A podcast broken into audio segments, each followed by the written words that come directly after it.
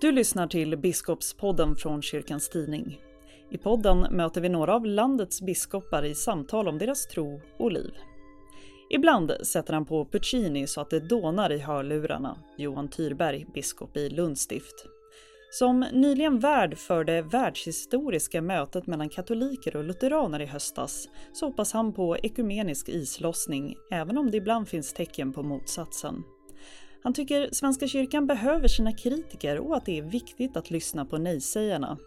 Biskopen pratar dessutom om språkförbistringar invandrare emellan och så ger han sina bästa mingeltips. Samtalet leds av Barbro Matsols. I den första intervjun som Kyrkans Tidning gjorde med dig för två år sedan när du blev vald till biskop för Lunds stift, då sa du att du hoppade på tåget i farten. Ja, just det. Eh, var det rätt för dig att våga det här språnget och hoppa på i farten? Ja, det kan man ju undra på ett sätt, men eh, jag tror det. Det tror jag. Eh, och när jag tänker efter så tycker jag att det var en, en bild som stämmer in, överens även när jag tittar tillbaka. Mm.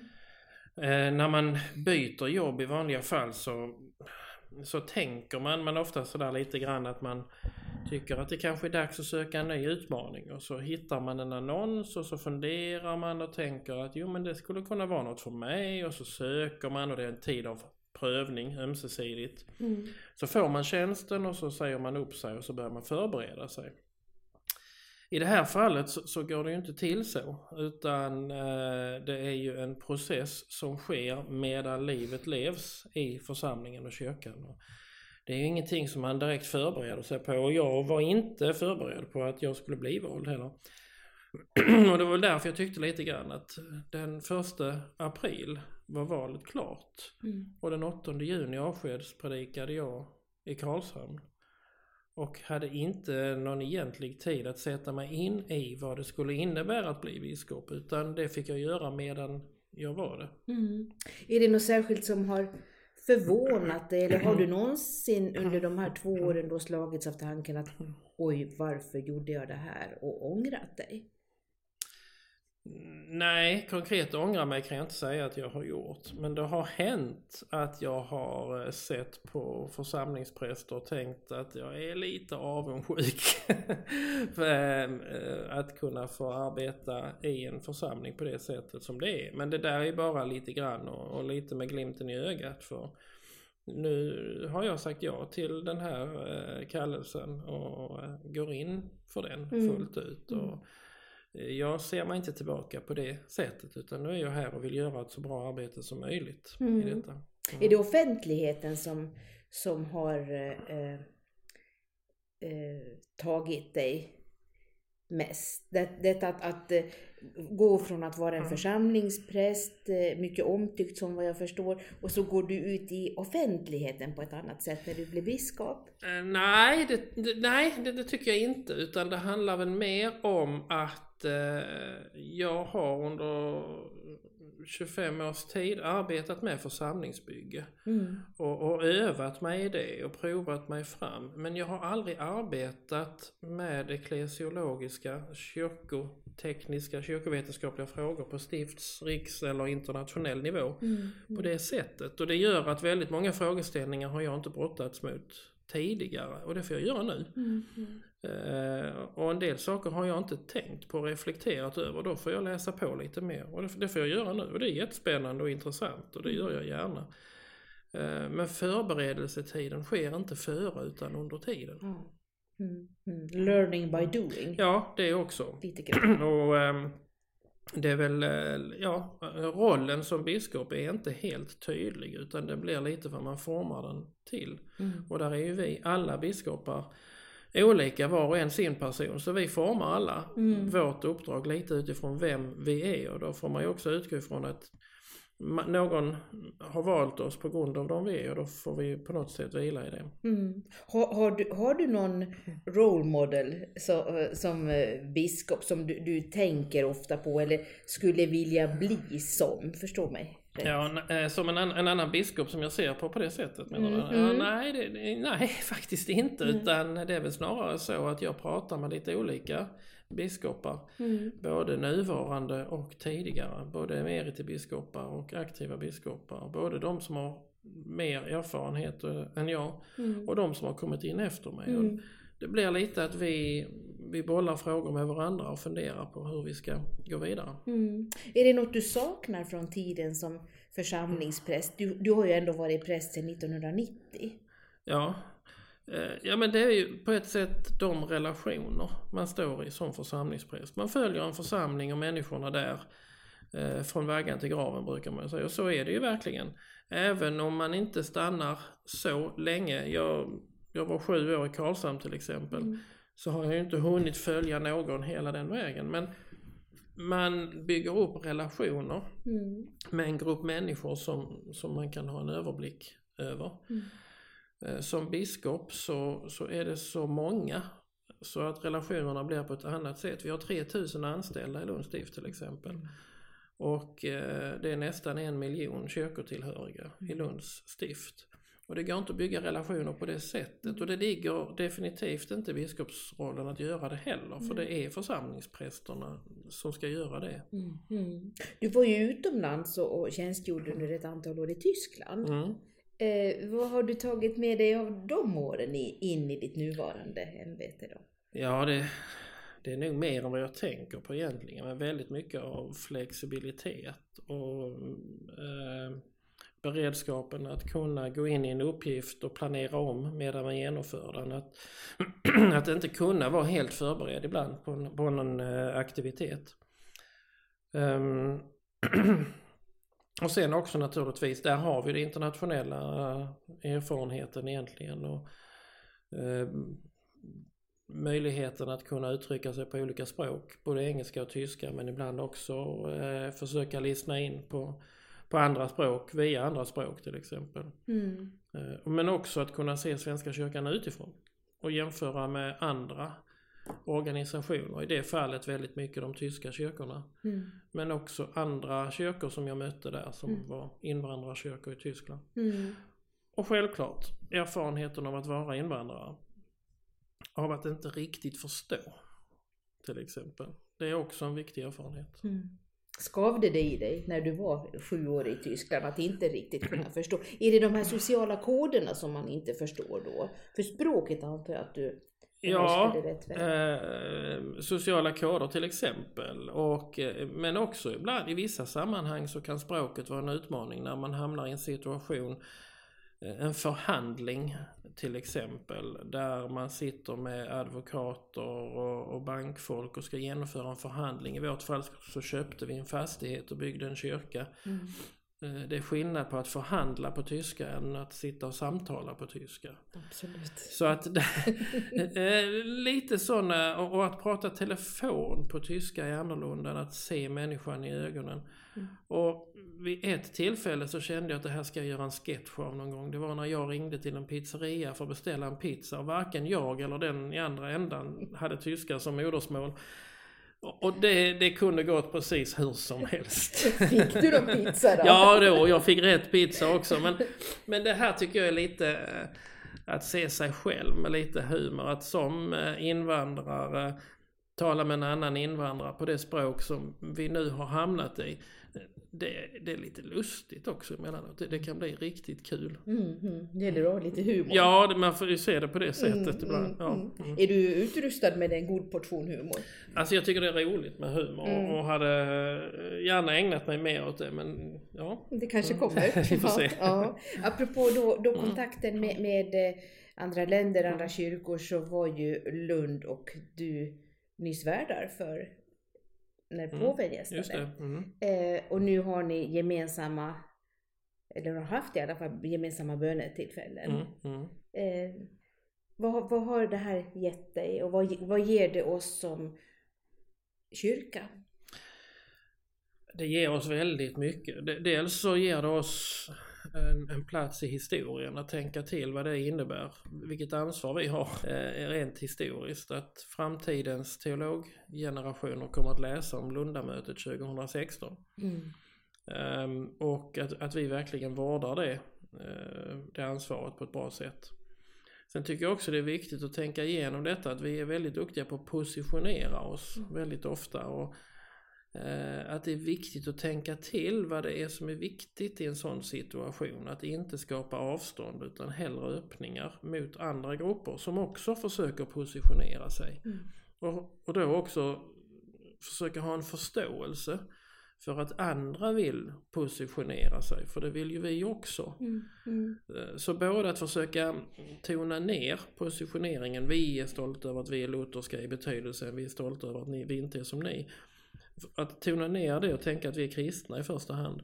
Men också ha en förståelse för att andra samfund vill positionera sig gentemot Svenska kyrkan. Mm. Och ha en förståelse i det och ändå försöka mötas och bygga broar. Mm. Mm. Är, är det lite islossning i de ekumeniska relationerna då? Eh, Jag hoppas det. Eh, ibland är det det, men det finns också mm, ibland tecken på motsatsen. En del blir rädda. Eh, jag fick en fråga när jag var på ett biskopsmöte i Tyskland och där var också biskopar från Tanzania. Och jag berättade om det här mötet. Mm. Och då var det en luthersk biskop som, eh, från Tanzania som sa, men betyder detta att vi inte längre ska vara lutherska? Mm. Och då skapas en rädsla eh, och då skapas ur det ett ännu större behov av att positionera sig. Mm. Eh, Och där tror jag att vi behöver släppa den rädslan att det handlar i första hand inte om att vara luthersk utan om att vara kristen. Mm. Mm. Och, försöka följa Kristus in i framtiden. Och i det perspektivet så har vi inte släppt på de teologiska upptäckter som vi menar att Martin Luther trots allt gjorde. Mm, mm, mm. Och det finns en förståelse från, från andra sidan bordet också, man säger då den romersk-katolska kyrkan. Att, eh, Ja, för många gör det det, men Mm. där finns också rädslan ibland. Mm, Att, eh, mm, och det är också utifrån mycket av det Martin Luther sa och skrev som vi kanske egentligen inte ställer upp på idag. mm, mm, Eh, att man tycker varför ska vi närma oss en sån grupp Mm. som har kritiserat oss och kallat oss för sådana saker. mm. Och återigen, vi måste släppa den positioneringen. Och sen, sen har vi alla de som i besvikelse över Svenska kyrkan har lämnat Svenska kyrkan och konverterat till katolska kyrkan som idag tänker, men vad händer nu? Mm, Och, och återigen, det viktiga är att var och en hittar ett andligt hem där man kan utvecklas som kristen. Mm, och, och att försöka göra det i former där vi kan bygga broar istället för att slå igen dörren i ansiktet på varandra. Mm. Fortsätter ni nu sen framöver med de här gemensamma bö- bönetillfällena? Det är planerat eh, hela terminen ända fram till juni, varannan vecka. Ja. Och sen får vi ju utvärdera och se vad det blev. Mm, mm. Och hittills har det varit positivt så vitt jag förstår. Ja, det har ju varit väldigt positivt. Ja, vi, ja. vi trodde inte det skulle vara så många utan vi tyckte det var viktiga var att vi samlas och ber tillsammans. Men Mm. det kom ju 183 personer. Och då, då sprack ju planeringen faktiskt för vi skulle sitta i koret i domkyrkan och därför har det inte plats så många. Nej, nej, då fick ni... Så vi får tänka om. Men det, det, det är klart att detta är också, eh, detta var första gången och det kanske klingar av och det kan också vara att några ville komma och inte kunde komma som kommer nästa gång. Mm, Så, så det är svårt att veta, vi, vi får se. mm, mm. Under de här två åren nu då som snart som du har varit eh, biskop för Lunds stift. Mm. Har du stött på problem och konflikter som du inte har kunnat hantera? Där är ju emellanåt konflikter i församlingar där jag tycker att eh, man som biskop har för små möjligheter att eh, operativt ingripa. Eh, helt klart är det så att när man måste operativt ingripa då har det gått så långt att man har en ganska svår situation och det är därför viktigt som biskop att inte behöva operativt ingripa. Man behöver motivera mer än man agerar.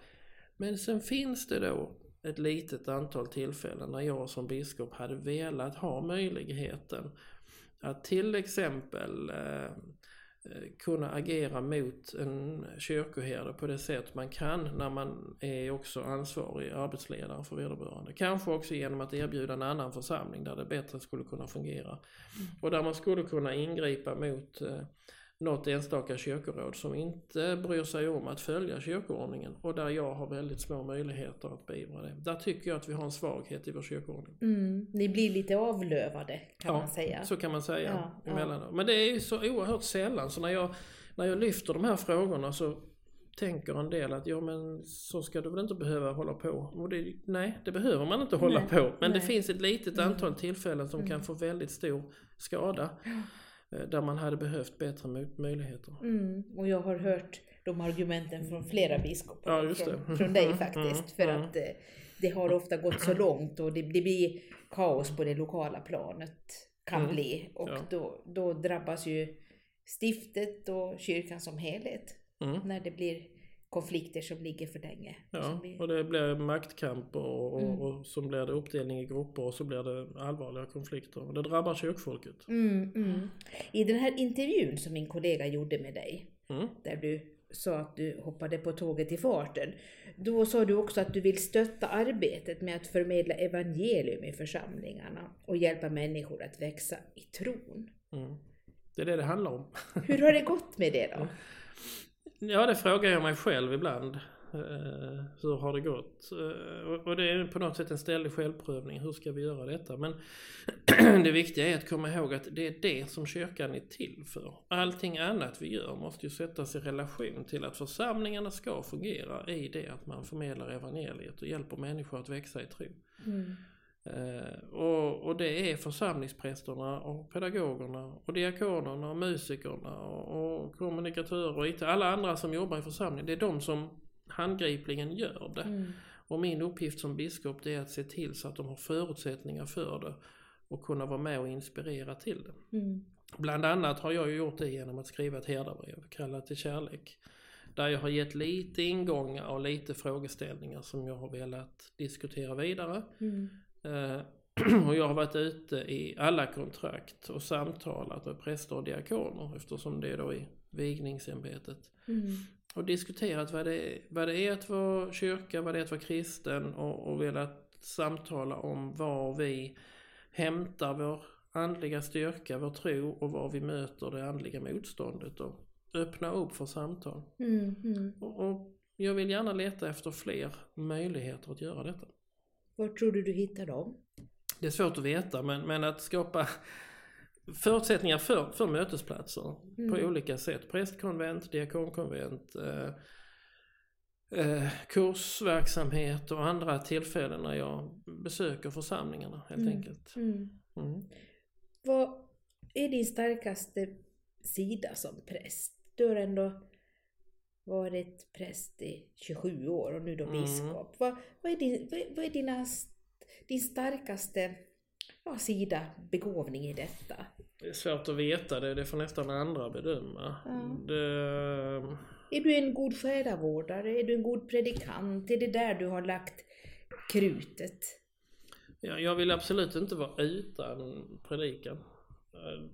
Det, att, att möta människor i predikan är, är för mig viktigt. Att eh, jobba, brottas med ett bibelord och översätta det i en predikan till vår tids språk och vår, vårt sammanhang. Det, det är en livsnerv för mig. Mm.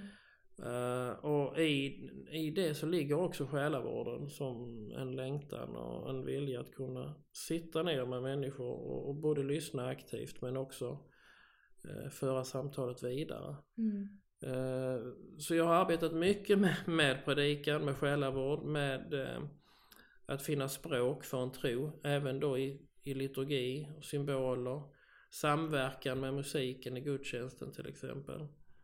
Eh, och sen har jag kommit att arbeta mycket med ledarskapsfrågor Mm. som helt enkelt går ut på att hitta både organisation och former men också aktivt styrningssystem i en Mm. församling för att evangeliet ska kunna förkunnas så att man inte hamnar i fel i fel diken eller fastnar i arbetet på grund av onödiga hinder. Mm. Men sen vilket som är min begåvning i allt detta, det vet jag inte. Det, det, det får andra Mm, bedöma. Men mm. det, det, det är de här sakerna som jag har jobbat mycket med.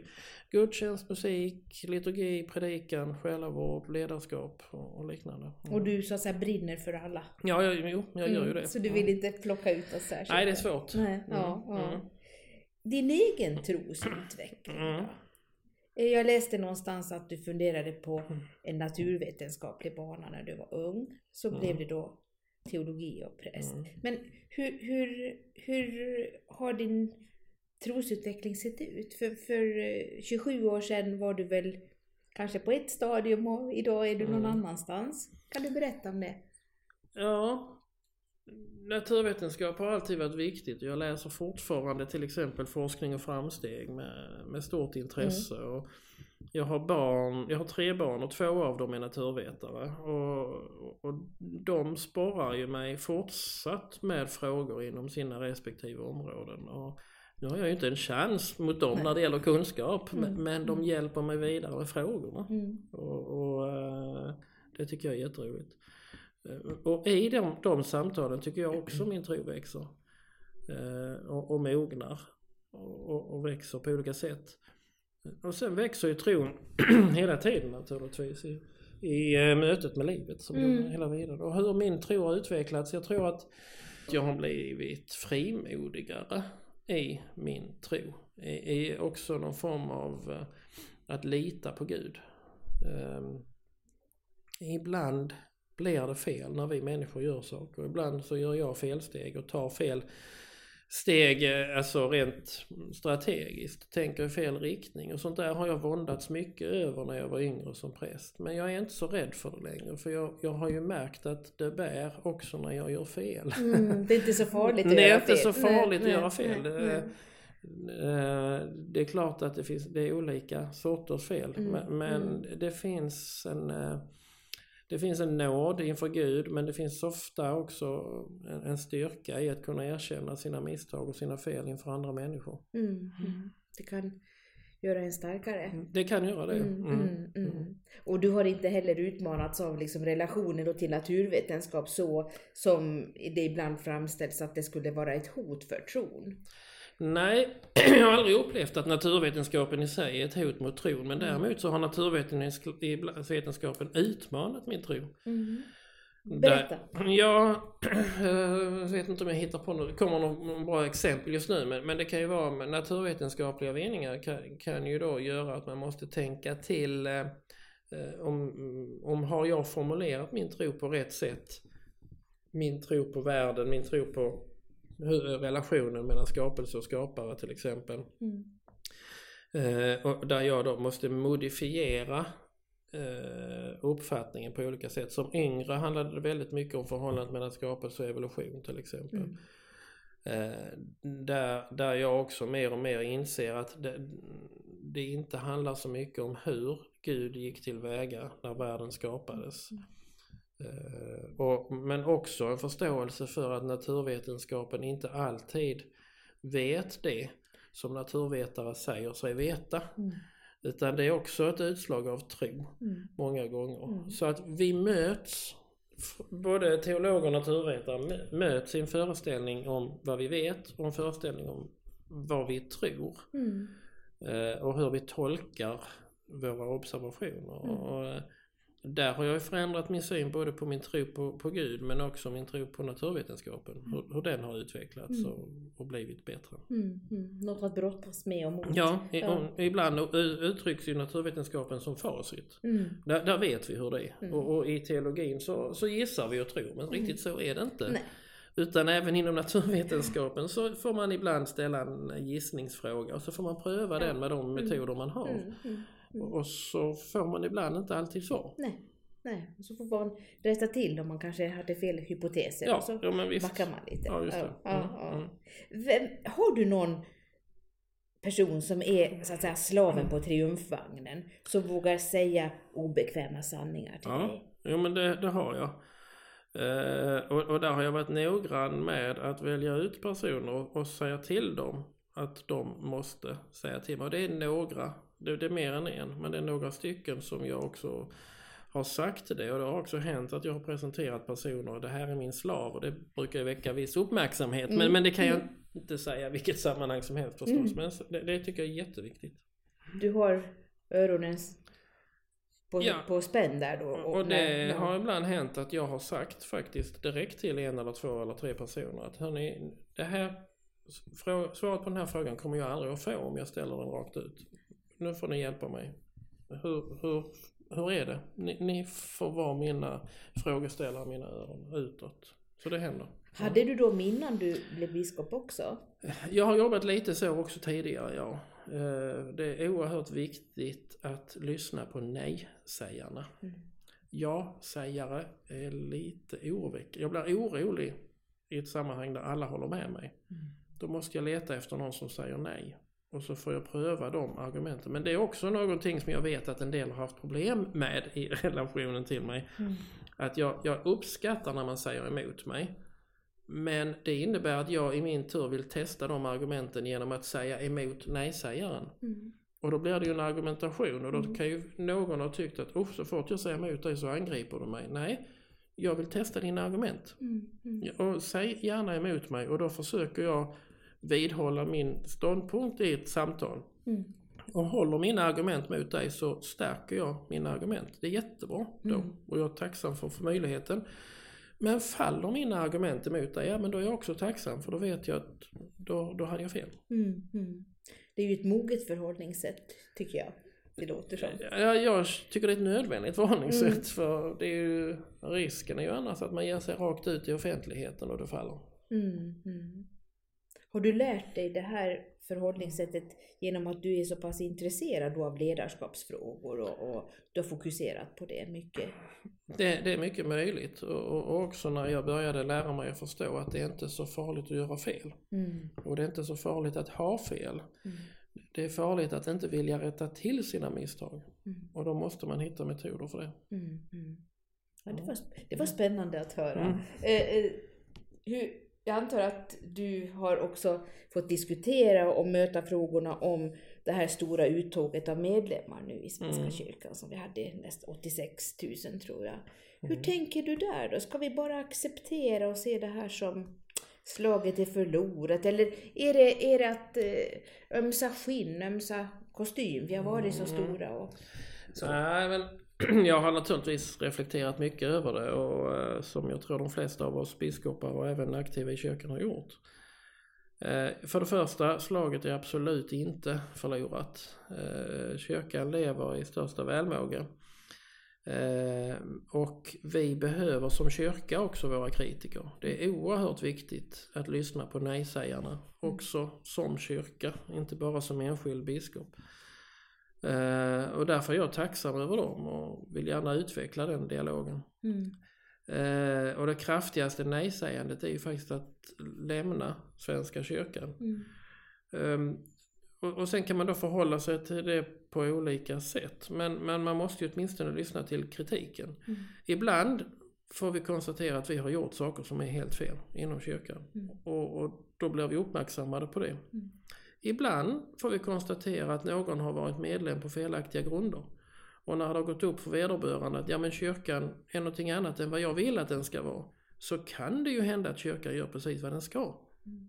Och då att den personen ska få gå i frid. Mm. Mm. Eh, jag tycker att det är bra att det är lätt att lämna Svenska kyrkan. Det är gratis att lämna Svenska kyrkan. Och vill någon ha hjälp att lämna Svenska kyrkan så ska vi som arbetar i kyrkan också hjälpa vederbörande att göra det. Mm. Det handlar om en ömsesidig respekt. Eh, Vi ska inte krampaktigt hålla fast våra medlemmar. Men vi ska vara inbjudande till att bli medlem. Och vi ska berätta varför vi själva är medlemmar och varför vi tycker att det är bra att vara medlem i Svenska kyrkan. Och den som då håller med oss om att det är bra med en svensk kyrka eller med en kyrka som heter Svenska kyrkan. Mm. De som tycker det är bra, de ska få vara med Mm. och, och få hjälp att komma med. Och den som inte tycker det ska ha rätt att lämna. Mm. Sen är det nog så att ett stort antal av de, antal av de som gick ut förra året gjorde det i besvikelse Mm. över olika saker eh, som hände under det året. Mm. Blev du förvånad att det var så pass många? Att det var mm, nästan 86 000? Ja, men det ju- blev jag nog faktiskt. Ja, Mm. det, det, var, det var mer än vad jag hade trott. Mm. Mm. Mm. Ja, det var dubbelt så många som året innan tror jag. Ja, och då, då eh, jag läste en artikel året innan om, om det stora antalet utträden, 40 000. Mm. Och så fick vi dubbelt så många året efter. Eh, och det är viktigt att tänka till vad det innebär. Vi måste vara noggranna med hur vi förvaltar de pengarna vi har till vårt förfogande. Vi måste vara noggranna med att vara tydliga med vad vi gör och varför. Mm, mm. Mm. Hur ser din framtidsspaning ut då för Svenska kyrkan? Om du, om du, du, du är ju relativt ung, eh, du kommer att sitta länge som biskop här i stiftet. Eh, mm. hur tänker du om 15-20 år? Att det ser mm. ut för Svenska kyrkan som helhet? Ja, där tror jag det finns olika potentiella vägar faktiskt. Och vi, ska inte, vi ska inte vara alltför säkra på, på hur det går. Vi gör våra prognoser och våra spaningar. Eh, och det håller vi på med ganska mycket just nu i Lunds stift. Mm. Eh, med prioriteringssatsningar och, och, och, planering kring det. Men vi ska vara medvetna om att framtidsspaning som vi håller på med i kyrkan har ganska mycket gemensamt med väderprognoser som meteorologerna gör. Ju längre bort i framtiden desto osäkrare är faktiskt prognoserna. Mm. Och det är också så i båda fallen att en mycket liten förändring i närtid kan ge en väldigt stor förändring i, i framtiden. Mm. Eh, och därför så ska vi vara lite ödmjuka inför framtiden och inte säga det kommer att bli så eller så. Eh, men för planeringens skull behöver vi göra prognoser och en prognos det är ju att kyrkan i Sverige gör en, eh, en resa som påminner om kyrkan i många andra europeiska länder. Mm. Eh, västländer, Tyskland, England, Frankrike.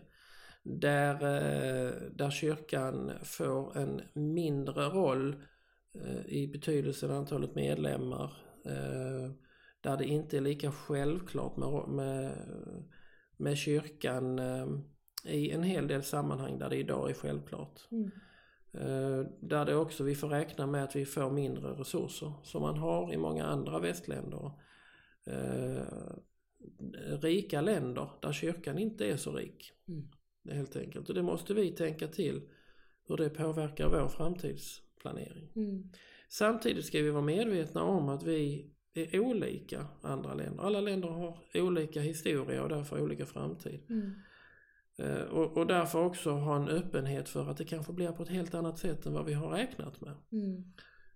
Eh, på något sätt så tror jag att om ingenting annat inträffar så kommer kyrkan att minska sitt medlemsantal till någon nivå som jag inte riktigt vet var den ligger, där det planar ut. Medlemskurvan kommer inte att gå ner till noll. Mm. Det, det, så blir det inte. Mm. Kyrkan kommer att fortsätta att finnas. Mm. Eh, men med en annan medlemsgrund och därför också med en annan resursbas. Mm. Det ska vi planera för, hur vi ser en sån framtid. Finns, förlåt jag avbryter det, men finns det någon mental beredskap för det här? Ja men det gör det och vi pratar mycket om det. Och det är i de sammanhangen jag ibland sträcker upp ett finger och säger men detta är viktigt, det ska vi planera för. Men vi ska också veta att det tidigare i historien vid olika tillfällen när man minst anat det har hänt saker som gjort att medlemsantalet plötsligt har ökat dramatiskt. Mm. Men när medlemsantalet ökar dramatiskt, det låter konstigt för historiskt så, så är det inte det som har skett. För medlemsantalet har ju varit nära 100% så att mm. säga. Men mm. min mormor berättar gärna om hur det var i hennes ungdom när kyrkan var helt marginaliserad och nästan ingen gick i kyrkan och gjorde man det så gjorde man det av tvång. Mm. Och det kommer en predikant till byn någon gång eh, på 1910-talet och allting förändras. Alla i byn går i kyrkan för att man vill det. Mm. Ja, inte alla, men de flesta. Mm. Det, det, ökar alltså mm. enormt. Mm. Mm. Eh, och, och, intresset stiger och det tar mer än en generation innan det börjar klinga av igen. Mm.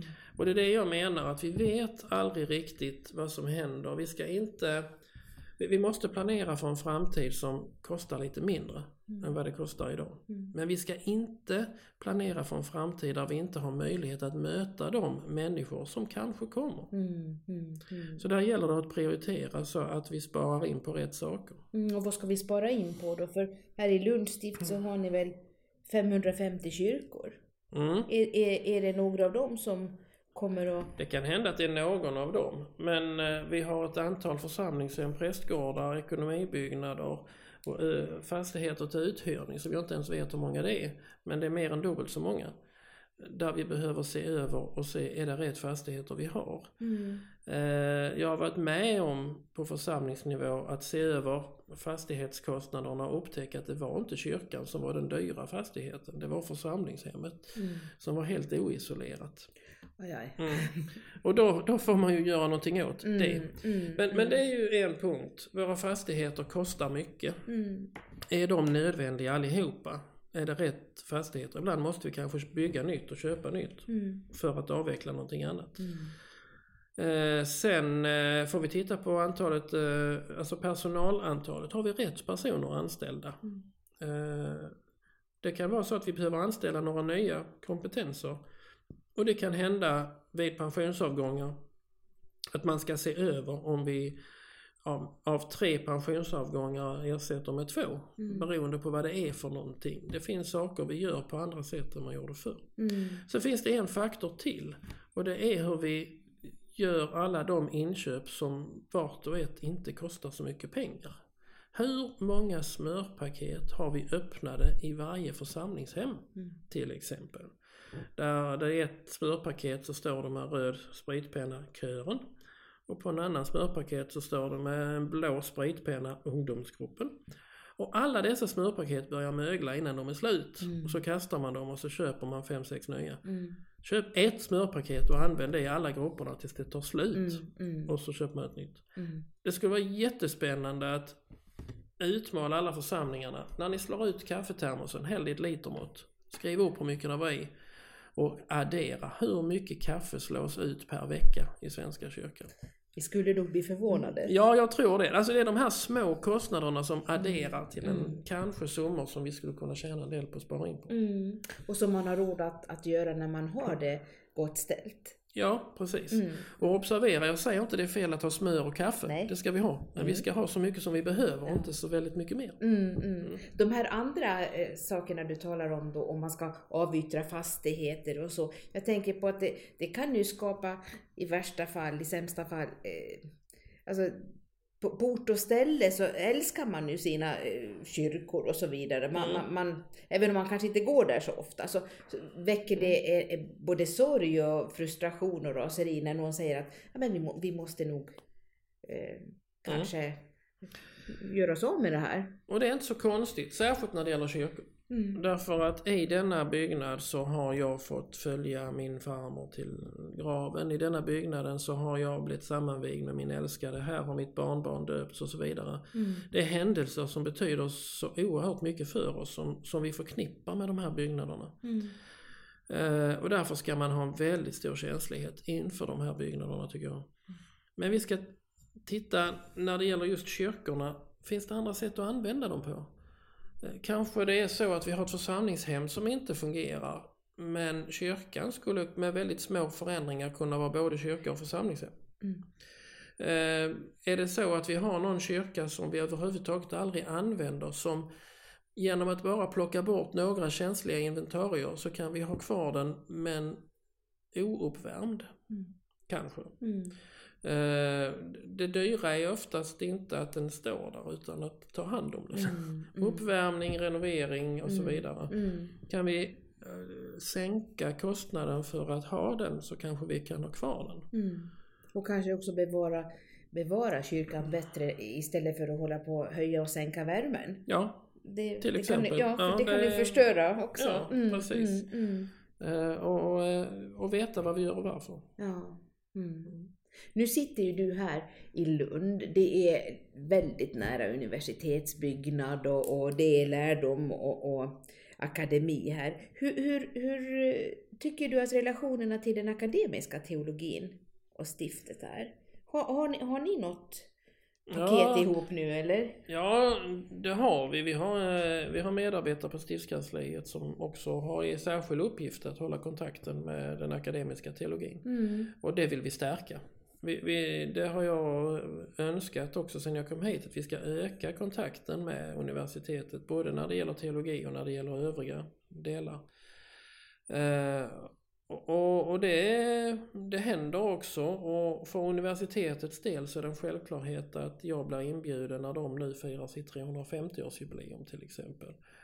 Eh, det var i domkyrkan universitetet började. Mm. Det var där de första föreläsningarna var. Det var biskop Winstrup som tog initiativ till detta och så Mm. vidare. Så den eh, universitetets historiska rötter in i kyrkan mm, lyfts fram Mm. och, och finns där. Mm. Samtidigt som universitetet det står ju fritt från kyrkan. Ja. Jag påverkar inte utbildning Mm. och forskning på något sätt. Men eh, vi går hand i hand in mot framtiden och ser våra olika uppgifter det skulle jag vilja säga. Mm. Mm. Och goda relationer. Mycket goda relationer Mm, ja. mm. Mm. Din farbror Karl Johan Tyrberg, han var ju biskop i Härnösand. Ja. Och han disputerade ju en Ja. gång i tiden. Har du, har du lockats och lekt med den tanken? Ja, oh ja, oh ja. Och, och, och vad- vad, skulle du ha? Jag, jag, jag läste någonstans kanske att du skulle forskat om ledarskap i kyrkan. Mm. Men hur då? Hur tänkte du dig konkret? Och varför gjorde du inte slag i saken? Ja, eh, när, jag, eh, när, när jag läste till min eh, grundexamen så Mm. var jag helt inne på att jag skulle gå vidare. Och då hade jag också det här problemet att jag är intresserad av så mycket. Men- men just då var det när, eh, bibelvetenskap jag ville fortsätta med. Efter bara något år ute i tjänst så ville jag gå vidare med religionspsykologi. För att studera lidandes problematik. Hur människor behandlar eh, lidandet i sitt liv och hur man integrerar det i livet och går vidare. Men jag tyckte att jag ville ha mer kött på fötterna eh, eller kött på benen för sig. eh, I mötet med människor och därför så ville jag ut i församling för att sen återvända. Då ändrade kyrkan hela sin eh, struktur. Vi Mm. präster blev anställda per församling och inte per stift och då Mm. kan man inte längre få tjänstledigt för studier. Eh, utan då måste man i princip säga upp sig och, och satsa på en forskningsbas och då gick det för lång tid. Samtidigt som det då också fanns en möjlighet att göra det på deltid som inte finns idag. Mm. Man kunde göra det på långsamt medan man jobbade. Och Mm. Då, då var det ledarskap som hade vuxit fram hos mig genom min upptäckt av bristande ledarskap Mm. och svagt ledarskap i kyrkan och mina samtal med folk inom näringslivet framförallt eh, och lite inom militären där jag tyckte att vi behöver lära oss detta i kyrkan. Detta var på 90-talet. Mm. Då ville jag forska i ledarskap och jag tog kontakt eh, inom ramen för religionspsykologi. Och möter en person som säger till mig att jag är inte är ett dugg intresserad av det här ämnet och jag är inte ett dugg intresserad av dig för du har varit ute i tjänst så länge som präst och inte visat något intresse för mina forskarseminarier. Så jag blev närmast chockad av det, det mötet. Det var tufft. Och då, eh, då pratade jag om eh, studievägledningen på, på eh, Teologikum och kom fram till att jag skulle prova att göra detsamma inom etik. Men etik hade jag ju inte läst upp lika mycket i grundexamen. Mm. Så då tog jag kontakt med några lärare i etik för att läsa upp mina betyg i etik i syfte att kunna doktorera in, i kyrkligt ledarskap inom ramen för etik. Mm. Jag gjorde en läskurs som jag sydde ihop själv tillsammans med min lärare. Och jag påbörjade en uppsats på uppsatsseminariet. Eh, läskursen gick jättebra. Tentamen slutade med att, ten- eh, att läraren som jag tentade för säger att det här var jätteintressant för det här har jag aldrig reflekterat över tidigare. Och på uppsatsseminariet så, så mötte jag mest indignation, eh, ointresse för att ledarskap ansågs vara ett ganska ointressant ämne. Mm. Det var inte så många som höll på med det eh, i de sammanhangen på den tiden. Mm. Och det hade jag säkert kunnat fortsätta med om jag inte samtidigt blev kyrkoherde. Mm. Och när jag blev kyrkoherde då, 1996, så märkte jag rätt snabbt att nu måste jag välja. Mm. Studera ledarskap eller utöva ledarskap. Jag hinner inte båda. Mm.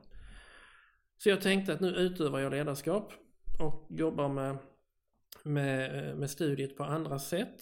Så jag drev igenom en ledarskapskurs i samråd med marinens officersutbildning som vi körde pilotmässigt på ett antal präster. Mig själv inkluderad Mhm. och jag började själv eh, då i en mentorsgrupp med näringsliv och idrottsrörelsen jobba med ledarskap. Och, så började jag läsa litteratur själv och kom fra- fram till att om jag doktorerar så är det ju för att forska och utbilda. Nu vill jag lära mig ledarskap för att utöva det. Så då släppte jag där kontakten med universitetet. Så det, där, slut, Ja. där slutade mina forskarstudier. Säga. Tar du upp dem igen? Du kanske inte alls Nej, skulle jag hinna? Nej. tror inte jag gör det. Nej, men, nej. men däremot att studera ledarskap och ta in mer kunskap eh, har jag ju fortsatt med under tiden. Mm, och uppmuntra andra kanske? Och uppmuntra andra. ja. Ja. Och nu är det ett stort ämne. Nu är det många som studerar ledarskap. Nu måste man studera det för att bli Mm, kyrkoherde. Mm, ja, Och det är jättebra. ja, ja. Mm.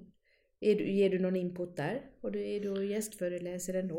Eh, Det har hänt, inte på kyrkoherdeutbildningen, men i andra sammanhang har jag varit och pratat ledarskap. Och sen har vi ju en stiftsadjunkt för ledarskap här på kansliet.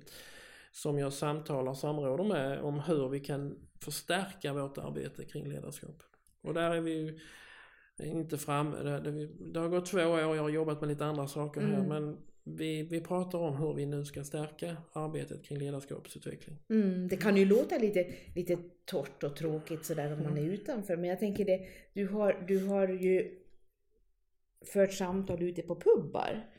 Och då kanske man också måste utöva en viss form av ledarskap, eller? Ja, det handlar ju om att hitta nya arenor. Och ledarskapet det, handlar inte, det är inte till för sig självt utan ledarskapet är till för att verksamheten ska fungera. Och I Mm. vårt sammanhang som kyrka så behöver vi ett gott ledarskap för att församlingarna ska kunna förmedla evangelium och hjälpa människor att växa i tro. Det är Mm. det som är syftet. Mm, mm. Och du sa tidigare att du har blivit mera frimodig också. Mm. Eh, den här frimodigheten, är det den som gör att du tycker också att det är kul att mingla runt bland folk och gå runt och prata och så? Det handlar nog också om att jag tycker det är roligt att möta människor. Och eh, det kanske är en lärdom jag fick i utlandskyrkan där det, är, där det var mycket mingel och det var cocktailparty på ambassaden och på andra sammanhang. Eh, Och det är ju ett nätverkande som är lite annorlunda mot kyrkkaffet. Mm, mm, mm. Och som många kan känna en blygsel inför och, och obekväma och så Ja. går helst runt, runt väggarna sådär Jo, och slinker ut. Du gör inte det? Nej, och då, och då är det klart, och där har jag pratat med lite diplomater och andra om, om, och fått lite tips. Så där att har, har man två minuter i ett samtal så kan man inte börja med att fråga vad, sysslar du med utan man får gå lite mer rakt på sak. Hur gör man då? Ja, det, det är väldigt svårt att svara på den så men- man, för det första tycker jag att man ska vara lite målmedveten om man går på ett sammanhang där det är mingel. Eh, Vet jag i förväg vilka som kommer dit? Är det någon av dem jag själv verkligen skulle vilja träffa? Mm. Eh, Sätt upp högst två namn som du verkligen vill träffa. Och alla andra är bonus. Så, så går man lite målstyrt mot de här två personerna. Om det är någon som jag känner att den här skulle jag vilja prata vidare med sen. Vi hinner inte det denna gången men jag vill åtminstone byta visitkort med den Mm. personen. Så, så är jag lite målmedveten. Och sen eh, också att man försöker hitta ett intressant ämne att prata om. Och då beror det lite grann på var man är. Har jag Mm. precis lyssnat på ett föredrag så Mm. kanske där finns en input. Mm.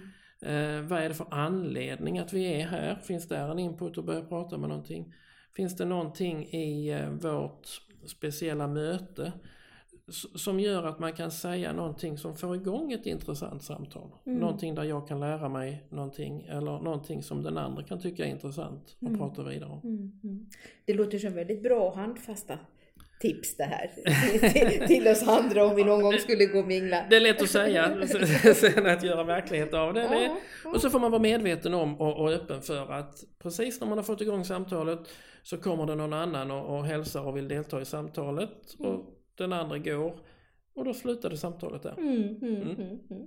Och så kan man ta vid någon annan gång sen. Ja, så är det. tar Mm. kontakt. Eh, du, det är ju en väldigt kort resa mellan det relativt välmående Lund med universitet och akademiker Mm. till Malmö. Mm. En stad som vi nu som bor på andra håll i landet Mm. läser om var och varannan dag. Mm. Med den här gängkriminaliteten och, och skjutna ungdomar och, och polisen som verkar ibland stå rådlös. Hur ser du på Malmö? För det är ju också ditt Mm. stift. Absolut. Är det en förlorad stad? Nej, absolut inte. Det är det inte, men det är en utmaning. Och eh, där finns ju olika utmaningar. Polisen har sin utmaning. Där de just nu jobbar mycket med att hitta en annan eh, struktur för, för sitt arbete. Mm. Ja, Jag tror att vi ser bara fragment av det samtalet i media. Det egentliga samtalet tror jag inte de delar med sig av. Eh, för det är självklart att polisen själva ser ju de här problemen och vill gärna lösa problemen. Mm. Så där, där finns ju det ena. Sen har vi ju det allmänna hur samhällsplaneringen i Malmö. Eh, där jag ju har mött och träffat många av politikerna i Malmö men också tjänstemännen i Malmö. Mm. Och, och vet ju att man arbetar väldigt mycket med integrationsfrågorna. Och integrationsfrågorna är ju en av problemen i Malmö. Mm. Eh, att hitta vägar för, för att bygga broar mellan människor istället för murar. Eh, den egentliga gängkriminaliteten den, den har sin egen eh, nerv eller vad man ska kalla det för. Det, det är inte så att det är ehm, spontana händelser alltid som, som sker i någon form av desperation över att man är eh, isolerad i verkligheten utan det här är eh, onda människor som har en egen agenda att tjäna snabba pengar och utnyttja andra människor som inte har någon egen styrka Mm. till att bli deras hantlangare. Och det kan vara allt från att bli mördare till langare till att bara bli, vara budbärare. Mm. Så den här ondskan finns överallt och ger man den möjlighet att växa så växer den. Eh, Så att integrationen är inte det enda eh, dilemmat i detta utan det är bara att det kan ha släppt fram en viss tillväxt Mm. i den undre världen.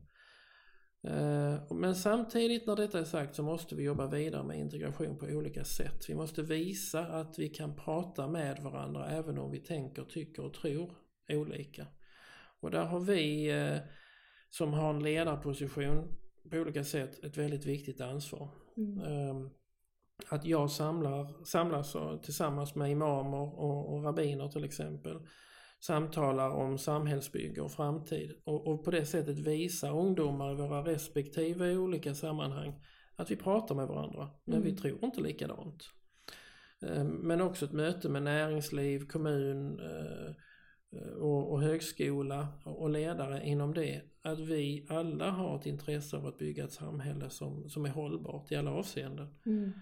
Och det görs. Mm. Och, och det görs många goda initiativ i Malmö idag. Vad vill Malmö stad då att Svenska kyrkan ska göra där då? Att mer än att, som du berättar om att ni, har, ni, har, ni möter imamer och ni möter eh, rabbiner och så vidare, att ni försöker ha det eh, om man säger religionsdialogsmötet. Mm. Men, men finns det andra, andra önskemål från Malmö stad? Ja, alltså i, i samtal med Malmö så, så dels så finns det ju ett nätverk som heter Open Skåne som, som, eh, som är en mötesplats, en plattform för olika religioner, näringsliv, eh, region och politik och så vidare. Mm. Sen har ju då Svenska kyrkan i Malmö, Malmö pastorat, driver en, eh, ett, ett arbete som heter Samhälle och existens Mm. som mynnar ut i en konferens eh, på vårkanten där man tar upp ett tema. Det blir andra gången nu i år. Nu ska man prata om arbete som hot eller möjlighet. Mm.